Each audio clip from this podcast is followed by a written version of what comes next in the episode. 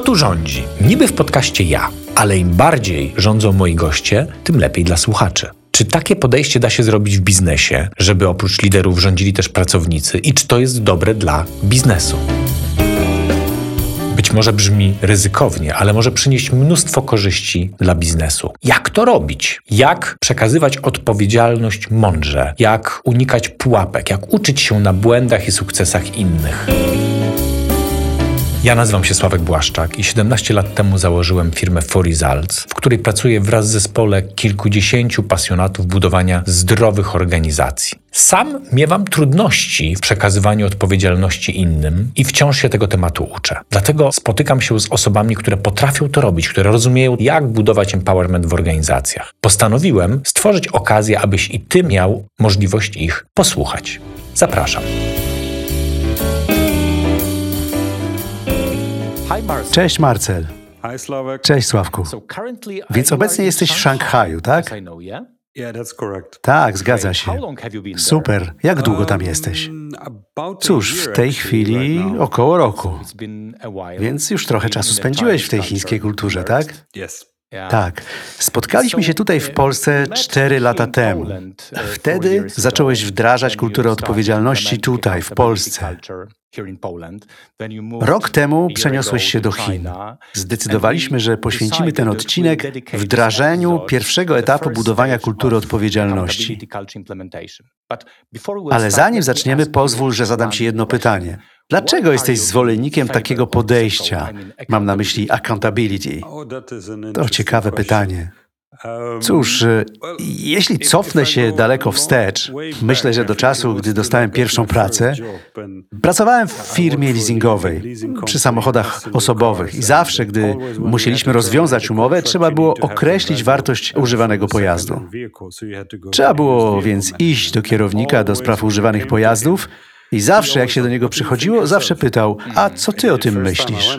Kiedy poszedłem do niego po raz pierwszy, powiedziałem: Nie wiem, to nie moja praca ale z czasem zauważyłeś, że on i tak zawsze o to pytał. Więc za którymś razem odpowiedziałeś w porządku. Myślę, że to jest taka wartość, wynika ona z tego i z tego. I dlatego tak uważam. A potem odbyliśmy dobrą dyskusję i na koniec powiedział: tak, potwierdzam to. Więc w jakiś sposób wykorzystywał tę odpowiedzialność, a ty zaczynałeś się do niej przyzwyczajać. Myślę więc, że w pewnym sensie tak, miałem szczęście, że miałem menedżera, który nie wiem czy celowo, ale zawsze pytał, co o tym sądzisz? A potem, kiedy przeprowadziłem się za granicę i przeczytałem książkę Davida Marketa, no, wydała mi się interesująca. Potem przyjechałem do Polski i wtedy ludzie przychodzili do mnie i pytali: Szefie, co mamy robić? Ty decydujesz. A ja wtedy: Tak, ale to nie ja jestem ekspertem, to ty mi powiedz. Zastanawiałem się, dobrze, ale dlaczego ludzie przychodzą mnie pytać? Oni są ekspertami. Przecież ja nie jestem. Nie jestem przyzwyczajony do takiej sytuacji. Nigdy nie miałem szefa, do którego mógłbym iść i spytać: Szefie, powiedz mi. Ale teraz ludzie przychodzili i pytali. To sprawiło, że ponownie sięgnąłem po książkę Marketa. A potem pomyślałem, to mi przypomina o konieczności zmiany kultury, sprawieniu tego, aby ludzie naprawdę myśleli samodzielnie i brali na siebie odpowiedzialność. I w ten sposób w końcu nawiązaliśmy kontakt, ponieważ naprawdę szukałem. Powiedziałem, koniecznie muszę coś z tym zrobić, ponieważ ci ludzie ciągle przychodzą do mnie i pytają, szefie, co powinniśmy zrobić? Więc w końcu zacząłem im odpowiadać. Ale nie jestem Polakiem, nie znam języka, nie jestem ekspertem, więc jeśli chcesz, żebym podjął złą decyzję, no to wtedy mnie pytaj. Ale jeśli chcesz, aby wiedzieć, co jest słuszne lub co możemy zrobić, a czego nie możemy zrobić, to, to pytasz niewłaściwą osobę. Powinieneś powiedzieć mi, hej, według mnie powinniśmy zrobić to i to, a wtedy ja mogę zobaczyć, czy to jest w porządku, czy też mam jakieś pytania. I to sprawiło, że znowu wróciłem myślami do książki Davida Marketa i wtedy pomyślałem, ach, muszę coś z tym zrobić. A potem szukałem też w internecie, zastanawiając się, jak mogę to wdrożyć, bo książka jest świetna, ale nigdy nie jest to, że czytasz jakąś książkę i jest kopiuj wklej i jutro to działa w firmie. Więc w ten sposób w końcu wszedłem w kontakt z For Results. Aby naprawdę pomóc przeprowadzić to, bo dla mnie to było bardzo ważne. Kiedy czytam książkę, lubię, kiedy koncepcja jest prosta i jasna i każdemu możesz ją wyjaśnić w kilku zdaniach. A tu naprawdę chodzi o wzmocnienie pozycji ludzi. No i masz ten słynny cytat Steve'a Jobsa. Dlaczego miałbyś zatrudniać mądrych ludzi i mówić im, co mają robić? To oni powinni mówić nam, co my mamy robić. I myślę, że to jest coś, co bardzo cenię. Jednocześnie spoglądając w moją przeszłość, to również łączy się z jednym z pierwszych menedżerów, z którym pracowałem który zawsze mnie pytał, co o tym sądzisz. I nie byłem ekspertem, ale nauczyłem się tego z czasem. Ten sposób działania był naprawdę dobry i pomocny, a także wiedza, którą jednocześnie się uczyłem. To było bardzo przydatne. Więc dla mnie to po prostu bardzo dobrze się łączy z tym, kim jestem i dlatego w to wierzę i dlatego pomyślałem, muszę to wdrożyć. Jestem w tym zdecydowany. A teraz, gdy przeprowadziłem się do Chin, zauważyłem, że ludzie przychodzą tutaj z tym samym pytaniem i mówią, ty jesteś szefem, ty decydujesz, co mamy robić. A ja odpowiedziałem, o, chwileczkę. Powiedz mi, co o tym myślisz, co jest najlepsze dla ciebie. Więc tak, według mnie, myślę, że odpowiedzialność jest to bardzo istotny temat w całym dzisiejszym świecie. Teraz świat zmienia się bardzo szybko i wierzę, że musisz wziąć na siebie trochę odpowiedzialności, aby się dostosować dostosować do na przykład nowych technologii, bo sprawy nie idą w dobrym kierunku. Ludzie cię nie uczą. A teraz wiesz, nawet chat GPT jest już dostępny. Jeśli chcesz coś wiedzieć, musisz spróbować sam. Nikt cię tego nie nauczy. A jeśli nie rozumiesz, jak to działa, przegapisz pociąg. Tak więc w dzisiejszym świecie odpowiedzialność jest kluczowa. Nadchodzą nowe technologie i nie zawsze jest wystarczająco dużo czasu, aby uczyć ludzi, nawet w biurze, w pracy. Więc tak naprawdę, jeśli chcesz być w pociągu, musisz wziąć odpowiedzialność za siebie, za własną naukę i własną wiedzę. To wszystko naprawdę bardzo ładnie do siebie pasuje. A więc jak słyszę, jest wiele powodów. Ale po pierwsze chciałbym to powiedzieć i podkreślić, że dzięki Tobie, Marcelu, zaczęliśmy my, For Results, my rozpoczęliśmy podróż z Davidem Marketem, ponieważ byłeś pierwszą osobą, która powiedziała nam, może jakieś 7 lat temu, słuchaj, jest fajna książka, naprawdę bardzo głęboka, zmień kurs. Czy możesz przeczytać tę książkę? Czy możesz stworzyć jakiś warsztat na ten temat? Jeszcze raz dziękuję za to, ponieważ rozpocząłeś z nami tę piękną podróż. A jestem trochę, może nie zaskoczony, ale to było naprawdę bardzo ciekawe, że pierwszym bossem, który stworzył takie podejście, jesteś ty, a ty przecież jesteś Holendrem, tak? Wychowałeś się w Holandii i jest to zupełnie inne podejście. Mam na myśli podejście kulturowe niż w Polsce czy w Chinach. Może nie mam racji, ale zastanawiam się, co o tym sądzisz. Myślę, że holenderska kultura znacznie bardziej sprzyja odpowiedzialności. Jest o wiele bardziej naturalna dla odpowiedzialności. Co o tym sądzisz? Oh, zgadzam się z tym i myślę, że tak, nie zawsze zdajecie sobie z tego sprawę, ale w Holandii mamy bardzo otwartą kulturę pracy i myślę, że zaczęliśmy to zauważać, od kiedy rząd zdecydował się, że powinniśmy stworzyć strukturę Beneluxu, więc powinniśmy połączyć Belgię, Luksemburg i Holandię. Przecież posługujemy się tym samym językiem, jesteśmy tacy sami. Powinniśmy więc pracować razem. I w Holandii, jeśli masz spotkanie, to jest to otwarta debata. To nie jest tak, że szef mówi, co mamy robić i wszyscy to robią. Jeśli szef mówi, że powinniśmy iść w lewo, a wszyscy myślą, że powinniśmy iść w prawo, to mamy dyskusję. Mówisz wtedy, nie, nie, nie, przepraszam, to nie zadziała. I masz dyskusję. A potem ustalacie coś razem i idziecie dalej. Tak, a potem w jakimś momencie dostaliśmy belgijskiego szefa i mieliśmy belgijskich kolegów i nagle, och, oni mają inne podejście. I był kłopot. Ale w Holandii jesteśmy naprawdę otwarci na to. My jesteśmy ludźmi otwartymi i dla nas to normalne, że prowadzisz dyskusję. Jeśli czegoś chcesz, musisz o to sam zawalczyć. Nie ma nikogo, kto cię w tym wyręczy. Jeśli tego chcesz, musisz to zrobić. Jeśli uważasz, że masz dobry pomysł w pracy, musisz to powiedzieć.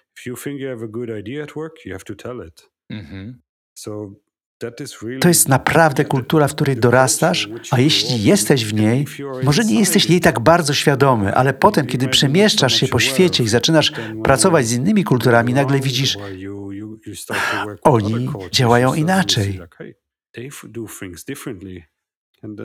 A potem mieliśmy szkolenie różnic kulturowych dla belgijskich holenderskich kolegów i był Holender, który mieszkał w Belgii.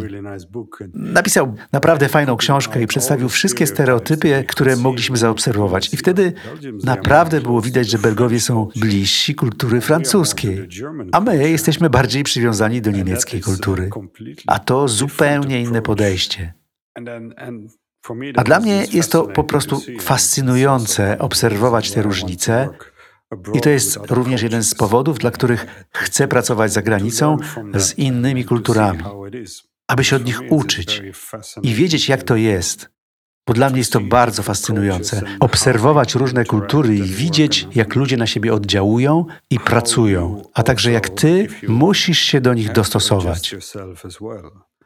Ale tak, odpowiedzialność w Holandii, wracając do tematu, funkcjonuje tak, że jeśli czegoś chcesz, pytasz o to, nie czekasz, aż ktoś ci powie, po prostu pytasz, a potem bierzesz za to odpowiedzialność i to jest w porządku. I to jest bardzo promowane. I tak też zostałem wychowany przez moich rodziców. Jeśli czegoś chcesz, to jasne, że po prostu o to prosisz, ale potem bierzesz za siebie odpowiedzialność.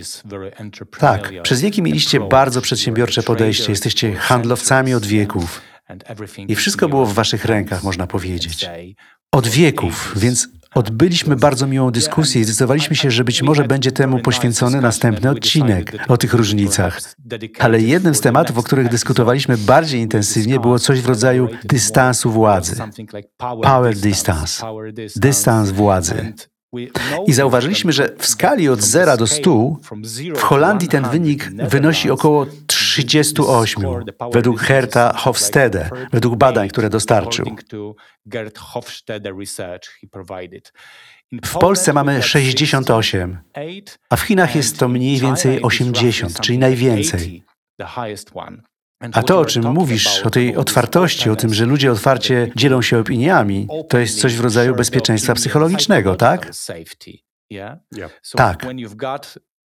Więc kiedy masz duże bezpieczeństwo psychologiczne, możesz powiedzieć coś otwarcie. Nie boisz się swojego lidera, możesz otwarcie powiedzieć, co myślisz. Czy widzisz jakieś różnice na podstawie swoich doświadczeń między Polską a Chinami? Jakie różnice widzisz między tymi dwoma kulturami, kiedy wdraża się odpowiedzialność? No, tak, bardzo to widać i to jest również coś, czego należy być świadomym.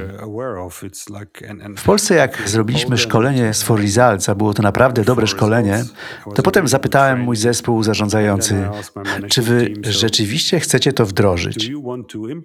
Czy wierzycie, że to może nam pomóc w naszych problemach? Czy tak uważacie? Bo nie wolno tego wdrożyć tylko dlatego, że to ja o to proszę. Myślę, że w Holandii nie trzeba tego mówić.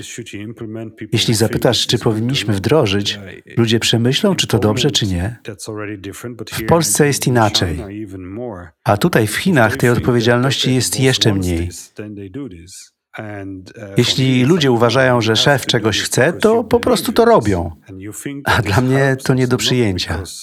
Nie, masz to robić, ponieważ w to wierzysz, a nie dlatego, że ja myślę, że to pomoże mnie albo tobie. Oczywiście zajęło to trochę czasu. Tak samo z polską drużyną. Dałem im trochę czasu po szkoleniu, aby przemyśleli, przeprowadzili kilka dyskusji między sobą, a potem wrócili i odpowiedzieli na pytanie: To jaka jest Wasza opinia? Czy to jest coś, co może nam pomóc? I to samo robię tutaj. Zawsze masz ludzi w zespołach, którzy są bardziej otwarci na tę kulturę, są bardziej skłonni tego spróbować, i masz ludzi, którzy są bardziej niechętni temu. Nie lubią żadnych zmian. I zaraz kwestionują, dlaczego, dlaczego mielibyśmy to robić. Ale nie należy się zniechęcać, tylko rozmawiać, podyskutować o tym a potem musisz dojść do jakiegoś konsensusu. I myślę, że to również łączy się z wyjaśnianiem, odpowiedzią na pytania. Dlaczego musimy to wdrożyć? Dlaczego to jest dobre do wdrożenia? Bo jest wiele różnych tematów. Czy w ogóle musimy wprowadzać jakieś zmiany w kulturze naszej firmy? Czy nasza kultura nie jest dobra? A zarówno w Polsce, jak i tutaj, w Chinach, jest bardzo istotne, że rozwijamy się bardzo szybko. I zarówno w Polsce, jak i w Chinach Działy rozwijają się bardzo szybko. Role zmieniają się bardzo szybko. Jesteś jedyną osobą w dziale i nagle stajesz się szefem działu i masz 10, 20 osób i musisz wykonywać zadania. I czy to naprawdę jest słuszne, że podejmujesz sam wszystkie decyzje, w które jesteś zaangażowany?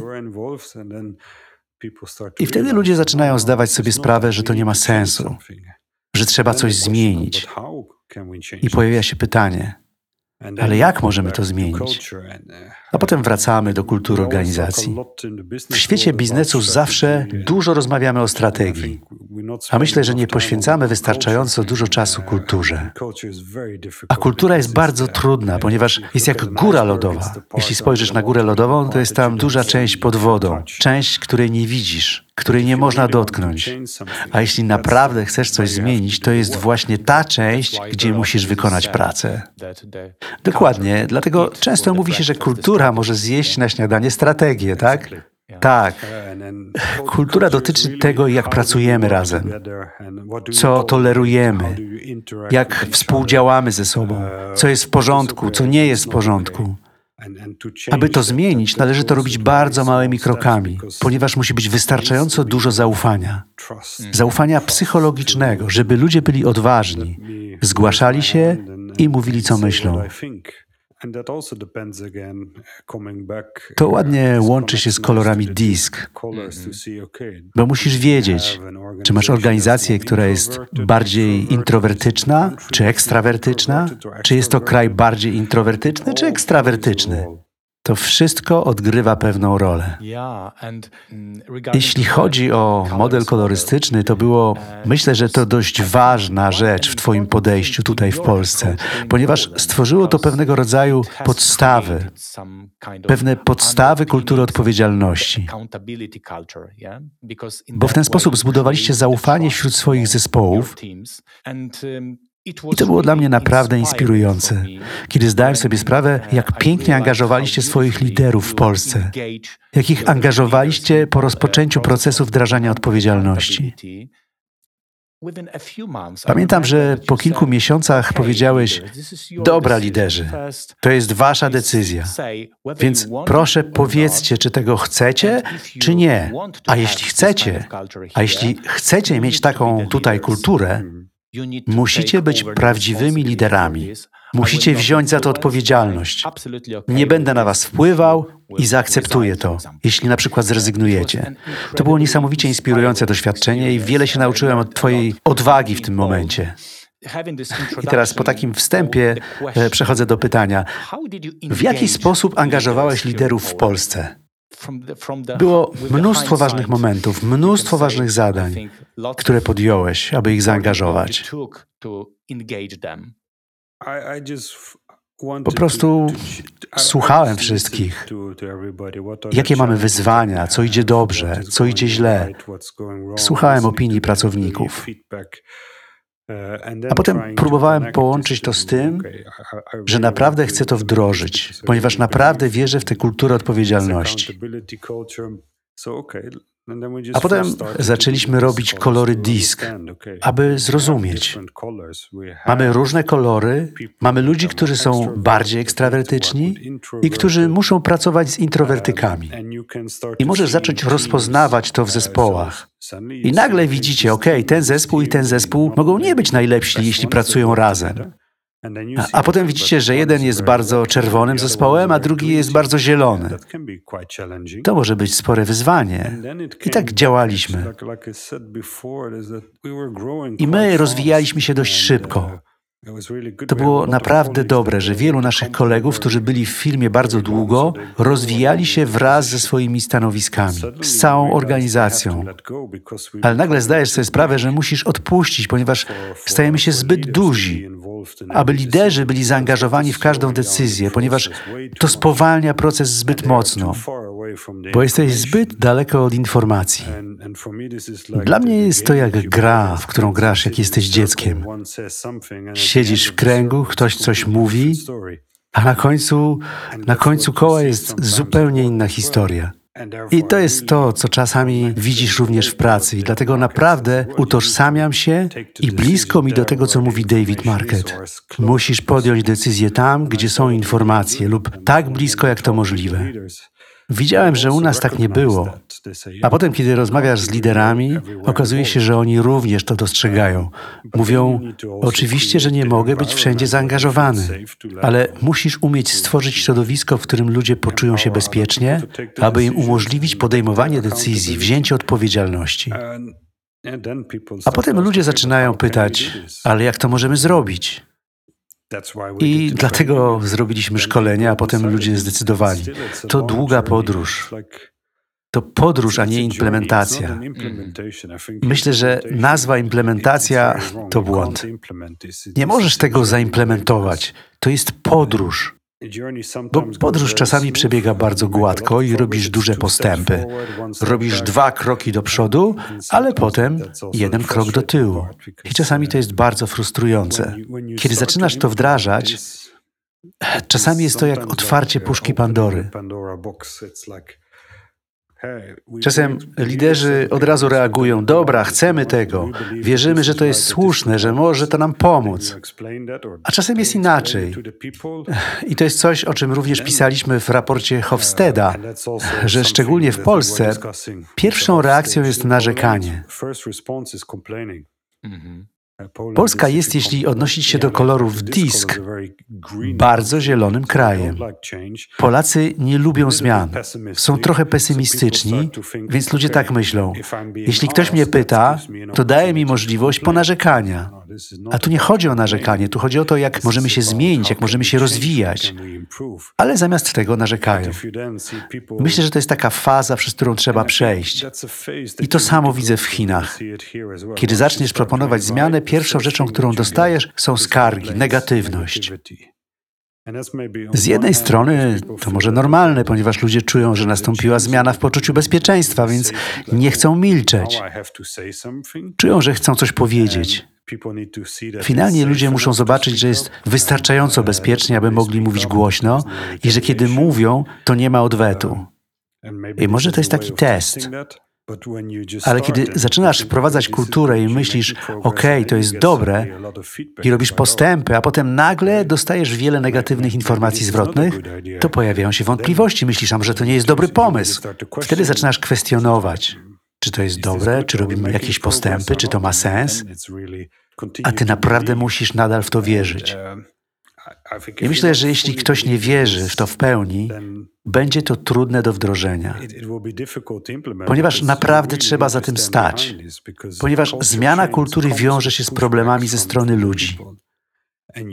I trzeba w to naprawdę wierzyć. I myślę, że to zawiera się w przywództwie. Istnieją cztery rodzaje przywództwa. Przewodzisz z przodu, przewodzisz z tyłu, przewodzisz ze środka lub przewodzisz z boku. Ale czasami musisz przejąć inicjatywę. A przy implementacji tutaj najpierw musisz przejąć inicjatywę, a następnie przełączyć się na tył i pozwolić zespołowi iść. A potem w końcu kończysz z boku lub w środku, aby naprawdę upewnić się, że robicie to wszystko jako zespół.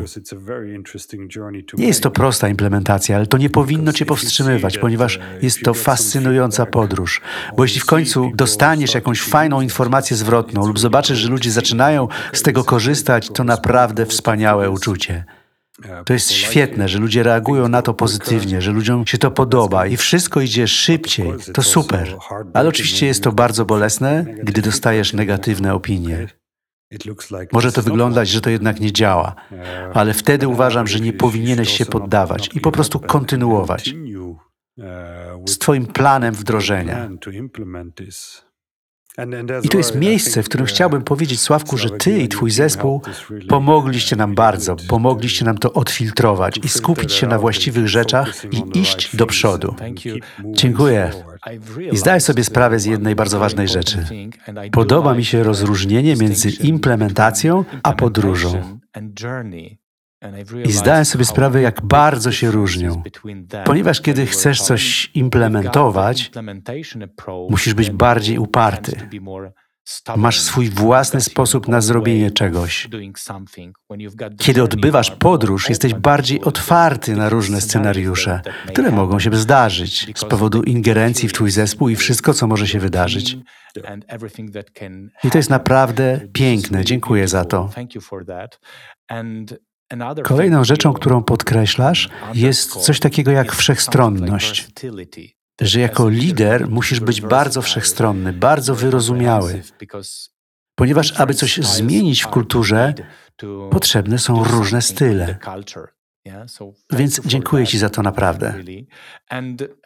I chciałbym Cię prosić, abyś opowiedział o kilku przełomowych momentach w Polsce, które pamiętasz, które przechodziliście w czasie tej podróży. Które momenty w Twojej podróży były przełomowe, najważniejsze? Myślę, że pierwszym ważnym momentem dla mnie było wtedy, kiedy zespół odpowiedział tak. Szef zespołu kierowniczego powiedział tak, powinniśmy to wdrożyć. A potem wyjaśniliśmy to ludziom, a następnie zadaliśmy pytanie wszystkim pracownikom: czy wierzysz w to, że to może nam pomóc? I w końcu otrzymaliśmy informację zwrotną. Tak, wierzą w to. To jest super. Ale najpiękniejsze jest oczywiście, że ludzie próbują się tego nauczyć i zastosować to. Zastosować to, czego się uczą i próbują zmienić swoje zachowanie i podejście do ludzi. To jest coś wspaniałego. Naprawdę wspaniale jest to zobaczyć.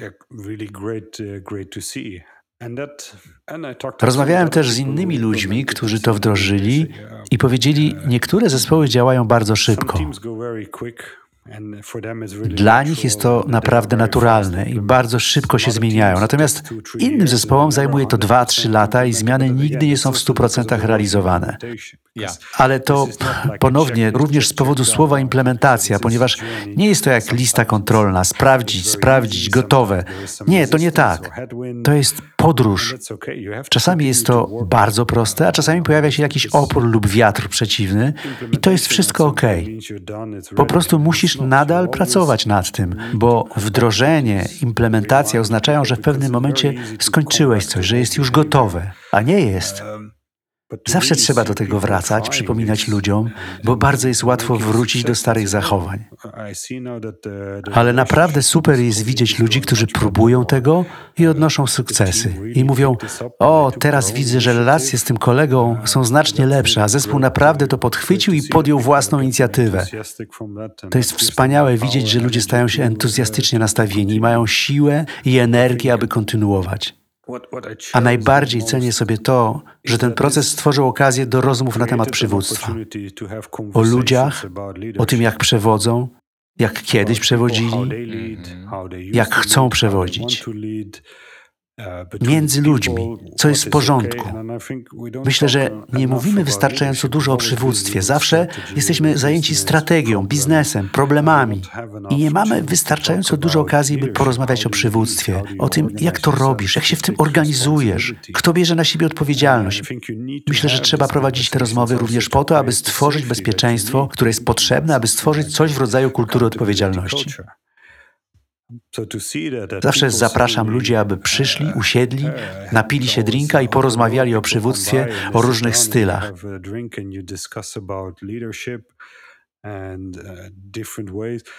Myślę, że są to bardzo wartościowe rozmowy dla wszystkich. Dla mnie to bardzo ważne, bo kiedy ludzie zaczynają mówić, oznacza to, że zaczynają się zastanawiać.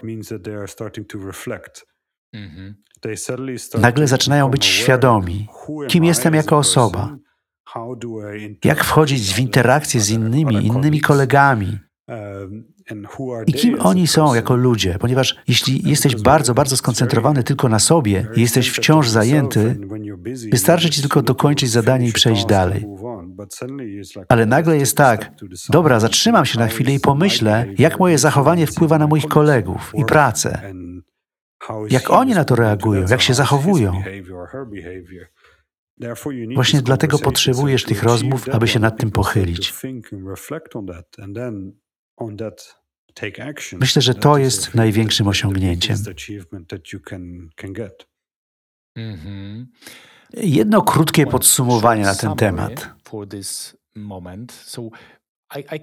Widzę coś takiego. Po pierwsze, stworzyłeś coś w rodzaju etapu integracji, w którym stworzyliście przestrzeń, w której ludzie mogli się lepiej poznać i zaufać sobie nawzajem bardziej. I to był pierwszy etap. Potem nazwałeś kierunek. Powiedzmy, że była to odpowiedzialność. Accountability. To jest coś, w co wierzysz i nazwałeś to. Stworzyłeś przestrzeń dla nich, aby zrozumieli, jaka jest wizja tego rodzaju kultury. Jakieś szkolenia, trochę dyskusji o tym. A potem stworzyłeś im przestrzeń do podejmowania własnych decyzji i rozpoczęcia rozmów ze sobą, żeby znaleźli własne sposoby, jak to zrobić w swoich zespołach, w sensie jako liderzy, tak? Coś w tym stylu. To bardzo interesujące. I zastanawiam się nad czymś od czterech lat, więc chcę Cię teraz o to zapytać. Co czułeś w tym momencie, kiedy powiedziałeś swojemu zespołowi, chcecie tego czy nie? A jeśli chcecie, możecie wziąć to w swoje ręce.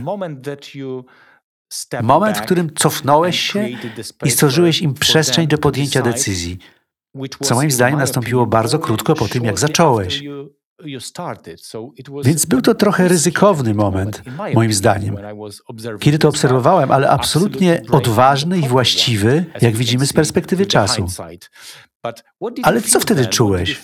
Co myślałeś? Dla mnie na moim stanowisku, wiesz, zwykle masz zadania na kilka lat, a potem idziesz dalej. Więc to jest w pewnym sensie ważne, co chcesz zostawić za sobą, co możesz wnieść, na czym ludzie mogą się oprzeć. Dla mnie jest kluczowe. Jeśli chcę coś robić, musi to dotyczyć ludzi. W pewnym momencie odpuszczasz i oczywiście to jest trudne, bo nie wiesz, co się stanie, ale po prostu myślisz, że chcesz coś zostawić po sobie, nawet gdy wyjedziesz. To następnie zespół musi być w stanie to napędzać. Jest to trochę sprzeczne z kulturą odpowiedzialności, bo kiedy mówisz, OK, to będzie podejście odgórne, gdzie w rzeczywistości jest to zupełnie odwrotnie. Nie wiesz, jak zareaguje zespół, ale czuję, że naprawdę musiałem pozwolić zespołowi zdecydować.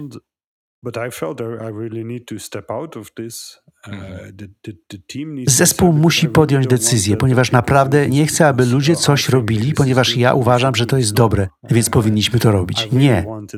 Naprawdę chciałem, aby zespół to świadomie zdecydował i musiałem odpuścić. Chciałem dać sprawom czas. Czasami chcesz, aby wszystko działo się szybko, ale nie zawsze tak jest.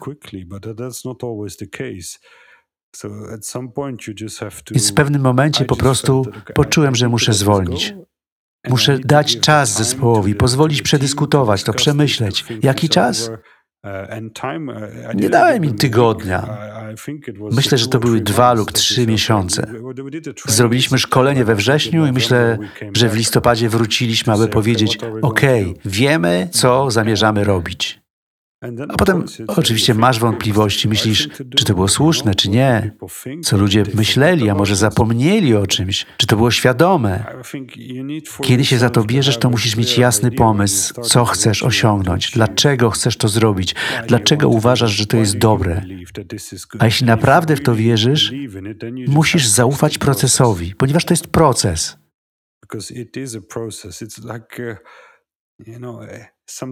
Kiedy sadzisz ziarno, to potem potrzeba czasu, zanim ziarno stanie się kwiatem lub drzewem.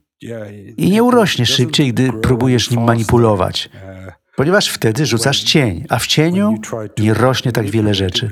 Więc musisz odejść i po prostu dać przestrzeń do oddychania i pozwolić roślinie rosnąć. Kiedy cię tak słucham, mam wrażenie, że jest wiele podobieństw między tobą a Davidem Marketem w twoim podejściu. Byłeś nowy tutaj w Polsce, to znaczy, jeśli chodzi o kulturę. On był nowy na tym Santa Fe, nie znał tego statku. Jest znacznie więcej podobieństw, ale po tym jak odszedł, będąc zaledwie rok na Santa Fe, okręt podwodny nadal zajmował miejsca wśród trzech najlepszych okrętów podwodnych spośród 54 wszystkich okrętów podwodnych.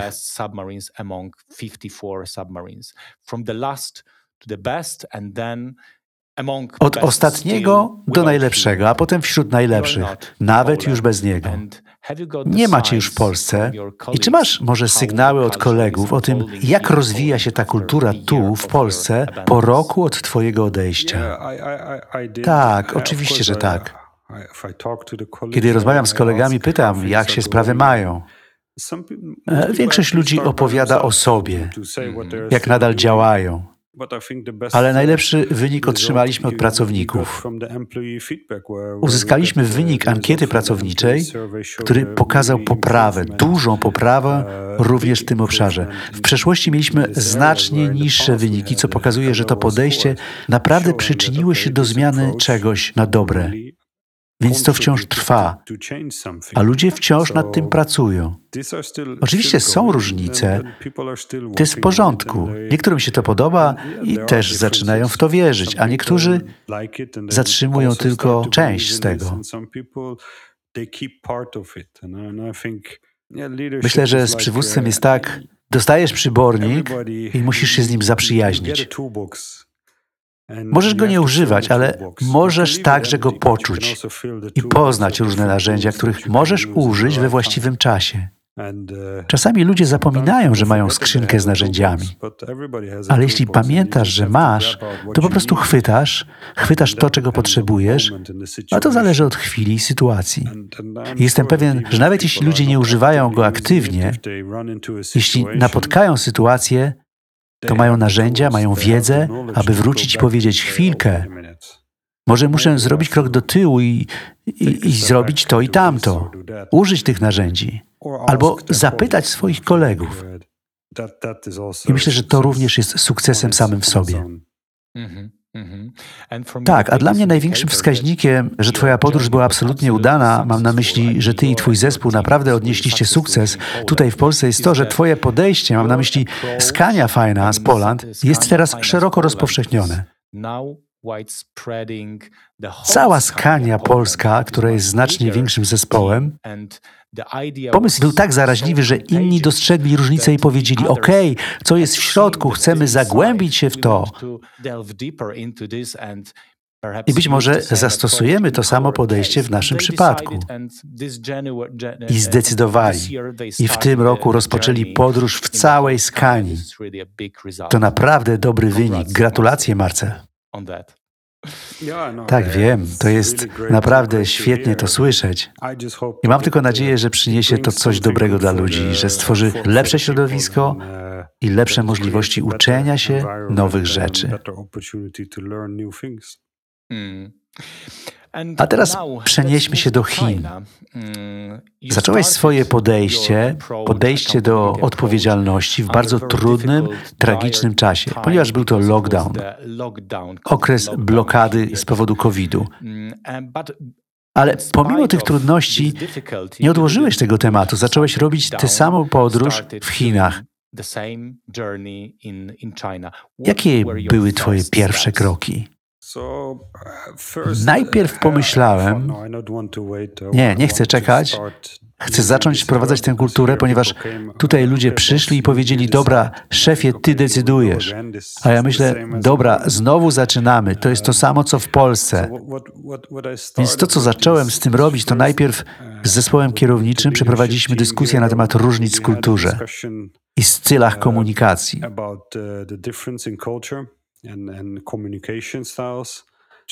aby uświadomić ludziom, że istnieją różne rodzaje komunikacji, które ponownie łączą się z badaniami Hofstede. Po prostu trzeba być świadomym naszych różnic. Um, Wyjaśniłem te koncepcje na bardzo wysokim poziomie i odbyliśmy długą rozmowę na temat modelu 3K. No i ten model był trochę, no był z nim kłopot. Na początku trochę się martwiłem, bo okej, okay, mamy przecież napięcie geopolityczne między USA i Chinami. A tu mamy brać przykład z generała US Navy. Czy to dla nich właściwy przykład? Myślę, że warto powiedzieć publiczności, co to jest model 3K. W kilku słowach. Chodzi o to, że jak masz kompetencje i masz klarowność, to musisz przejąć kontrolę nad zadaniem. I właśnie dyskutowaliśmy, że może niektórzy ludzie mają kompetencje, ale nie mają klarowności. Co się stanie, jeśli w tej sytuacji dasz im tę odpowiedzialność? No nie skończy się to zbyt dobrze. A co jeśli ludzie mają klarowność, a nie mają kompetencji? Też nie zadziała. To naprawdę pomaga ludziom zrozumieć. Wiem to, ponieważ zadałem to samo pytanie, kiedy wyjaśniałem model. Myślicie, że powinniście to wdrożyć? A ludzie byli bardzo entuzjastyczni, ale czy wiecie już wystarczająco dużo? Bo może to zbyt szybko. Cofnijmy się może o krok i porozmawiajmy naprawdę o modelu 3K. Więc stworzyła się dyskusja. Być może mamy teraz trochę klarowności co do tego, jak powinien działać ten model. Ale czy naprawdę mamy wystarczająco kompetencje, żeby naprawdę odpuścić kontrolę? I jak radzić sobie z faktem, że jesteśmy instytucją finansową, więc mamy wiele regulacji, więc musimy znaleźć swoją drogę? Ten model naprawdę pomógł ludziom w głębszym zrozumieniu, ponieważ zawsze możesz wziąć konkretną sytuację i o niej porozmawiać. Czy ludzie mieli klarowność? Czy ludzie mieli kompetencje? Czy ludzie mieli kontrolę? A potem ludzie mogą zacząć ocenić i mówić: OK, tak, tutaj tego nam brakowało. W porządku, a jeśli brakuje kompetencji, to jak możemy nad tym pracować? Jak możemy szkolić ludzi w tym zakresie, lub jeśli ludziom brakuje klarowności, to jak nad nią możemy popracować? Myślę, że w wielu przypadkach okazało się, że klarowność tego, dokąd zmierzamy, nie była tak klarowna, jak myśleliśmy. Było to naprawdę dobre narzędzie. Mogliśmy powiedzieć: sprawdźmy to, a potem się zastanowić: dobra, to wobec tego, który obszar jest wystarczająco bezpieczny, aby spróbować działać? To jasne, że nie możemy od razu rzucać wszystkich zasad i mówić: okej, ludzie, to wy teraz decydujcie. No nie. Zacznijmy od małych obszarów. Potrzebujemy czasu, aby wszystko dogłębnie przedyskutować. Następnym krokiem było przejście przez drabinę przywództwa. Ponieważ dla mnie, jeśli naprawdę chcesz coś zrobić, najprostszym sposobem na rozpoczęcie jest drabina przywództwa. Drabina przywództwa to coś w rodzaju narzędzia do prowadzenia rozmów. Tak, rozmów z pracownikami, kiedy przychodzą do ciebie i mówią: Szefie, powiedz mi, co mam zrobić, jaka jest Twoja decyzja w tej sprawie. A przecież w rzeczywistości to oni są bliżej informacji, więc powinni być decydentami, ale przychodzą do ciebie z powodu braku klarowności, być może. A może nie mają zaufania do siebie? Więc proszę, powiedz mi, jak wdrożyłeś tę drabinę przywództwa?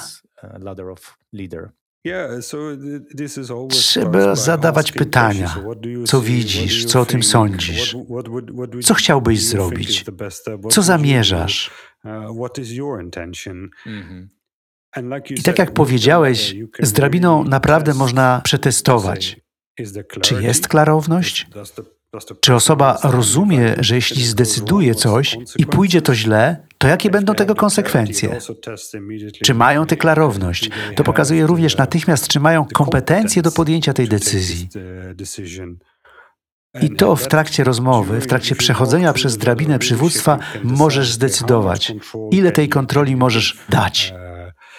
Ludzie mówią, że jest to trochę jak coaching przywództwa, ale częścią tego coachingu jest również mentoring.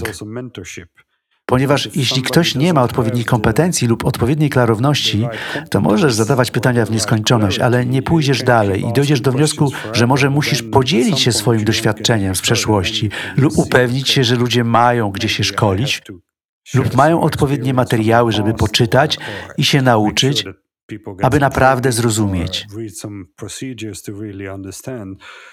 Wszystko zaczyna się od słuchania i zadawania pytań. i sprawdzania gotowości. Jeśli chcesz przekazać ludziom kontrolę i pozwolić im podejmować decyzje, to sprawdź najpierw, czy mają kompetencje, czy mają klarowność. Jeśli wszystko jest w porządku, to wtedy możesz. I powiedz, dobrze, jeśli jest taka Twoja intencja, to Cię popieram. Ale musisz to sprawdzić. Jeszcze raz powtarzam, nie możesz po prostu powiedzieć, wdrażamy kulturę odpowiedzialności, więc nie chcę już podejmować żadnych decyzji. Więc ludzie, to wy podejmujcie teraz wszystkie decyzje. Tak to nie działa. To jest żadna odpowiedzialność. Wtedy jest po prostu udawanie i mówienie. Musicie podjąć decyzję, musicie coś zrobić. To nie jest tworzenie bezpieczeństwa, to niszczenie bezpieczeństwa. A to nie ma nic wspólnego z kulturą odpowiedzialności. Jest więc wiele rzeczy, które zrobiłeś dość podobnie w Chinach i w Polsce. Ale czy są jakieś różnice w Twoim podejściu?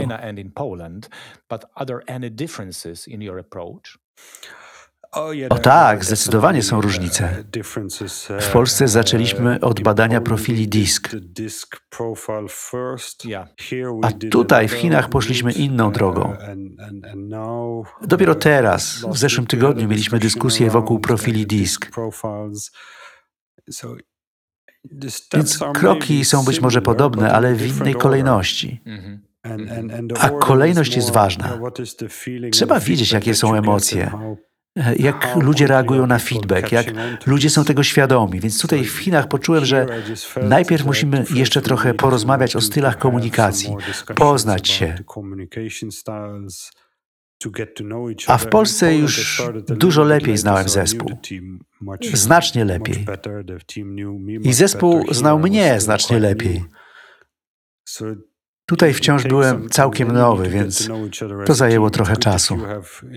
Musieliśmy poznać się jako zespół. Dobrze, jeśli masz dobre indywidualne relacje ze wszystkimi w zespole, ale zespół musi się również znać. A jeśli tak nie jest, to najpierw trzeba nad tym popracować. Często mówię, że przywództwo jest jak ogrodnictwo. Możesz zacząć losowo umieszczać nasiona w ziemi i czasami to zadziała, ale z całą pewnością nasiona szybciej wyrosną, gdy przygotowujesz glebę. Więc musisz nad tym popracować. Zastanowić się, czego tu brakuje, jacy oni są, czy się znają. Czy komunikują się ze sobą? Czy jest zaufanie? Czytałem kiedyś o jakimś liderze z dużej organizacji. On powiedział, że zawsze zaczyna spotkanie kierownictwa rozmową o tym, jak minął weekend, jak minęło święto. Ludzie go pytali, po co tracisz czas? Po co ci to? A on zawsze odpowiadał: Jeśli ludzie nie są wystarczająco otwarci, aby powiedzieć swoim kolegom z zespołu kierowniczego, co robili w ten weekend lub święto, to nie ma mowy o bezpieczeństwie. Jak w takim razie możesz stworzyć bezpieczne środowisko do dyskusji i podejmowania decyzji, jeśli nie jesteś otwarty na dzielenie się tym, co robiłeś w weekend? Tutaj w Chinach ludzie są bardzo otwarci. Ale mam też dużo młodszy zespół. Nie tak długo na swoich stanowiskach, więc potrzeba było trochę pracy. Ludzie muszą Cię poznać jako lidera. Muszą wiedzieć, jakim chcesz być liderem. Ale to trochę inna dyskusja o świadomości siebie, bo trzeba być świadomym siebie, kiedy chce się wdrożyć coś takiego jak to.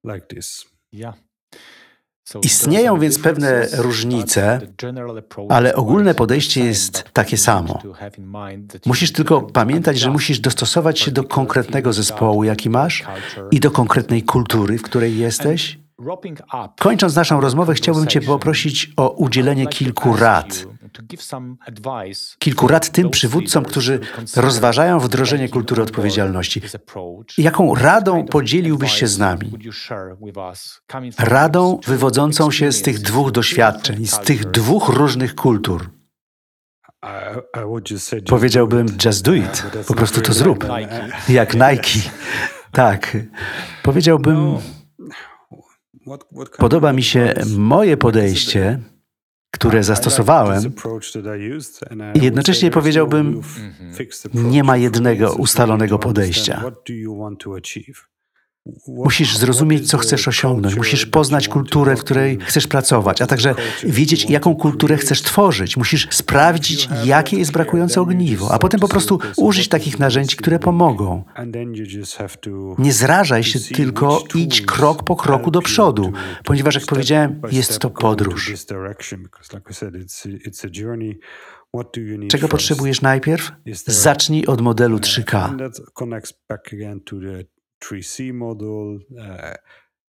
Sprawdź Twoją klarowność, gdzie chcesz być. Następnie zadaj sobie pytanie, czy czujesz, że masz wystarczające kompetencje? Czy czujesz, że możesz to zrobić? Czy uważasz, że Twój zespół ma kompetencje i klarowność, aby to robić? A potem po prostu podejmij decyzję, żeby to robić. A potem ją zrealizuj. No i może najważniejszą moją radą jest, żeby w kłopotach szukać pomocy. Tak jak ja kilka lat temu nawiązałem kontakt z Tobą, Sławku.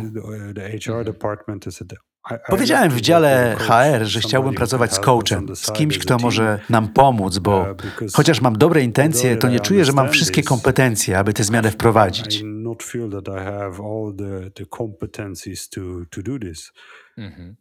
I super jest mieć wsparcie, ale bardzo często ludzie wolą działać sami. Tutaj w Chinach nie mam coacha, więc to było trudne. Ze względu na COVID mieliśmy tu bardzo trudną sytuację, więc musiałem działać sam. Dałem sobie radę, ale wiem, że jeśli masz wsparcie i partnera, który ci pomaga, to poruszasz się znacznie szybciej. Tak, wsparcie jest bardzo istotne. W Polsce mieliśmy wiele dyskusji. Często świadomie w nich nie uczestniczyłem. Nie musiałem być wszędzie. Oczywiście było łatwiej z językiem niż tutaj. Lepiej się porozumiewaliśmy. Czasem też to ja mogłem być problemem i ludzie nie chcieli przy mnie dyskutować, nie czuli się wystarczająco bezpiecznie. W takich chwilach warto szukać pomocy. To jest bardzo okej. Wiele osób w świecie biznesu, na szczycie świata biznesu, korzysta z pomocy.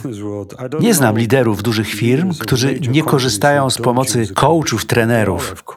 Wszyscy mają coachów, trenerów lub sieć wsparcia, mentorów, ale jest też bardzo duża grupa ludzi, którzy myślą, muszę to zrobić sam. Mogę to zrobić sam.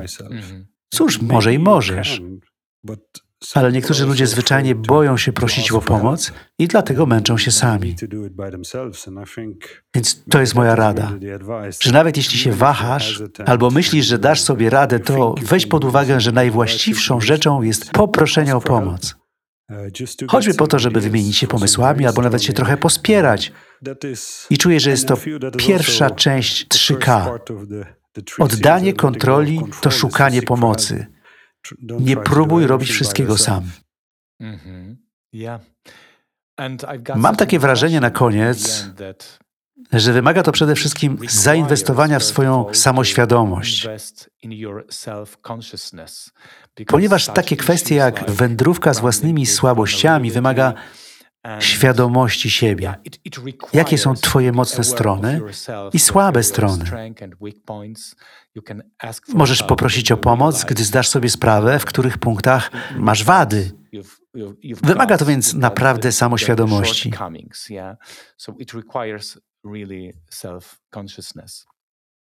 Dziękuję bardzo, Marcelu, za tę rozmowę.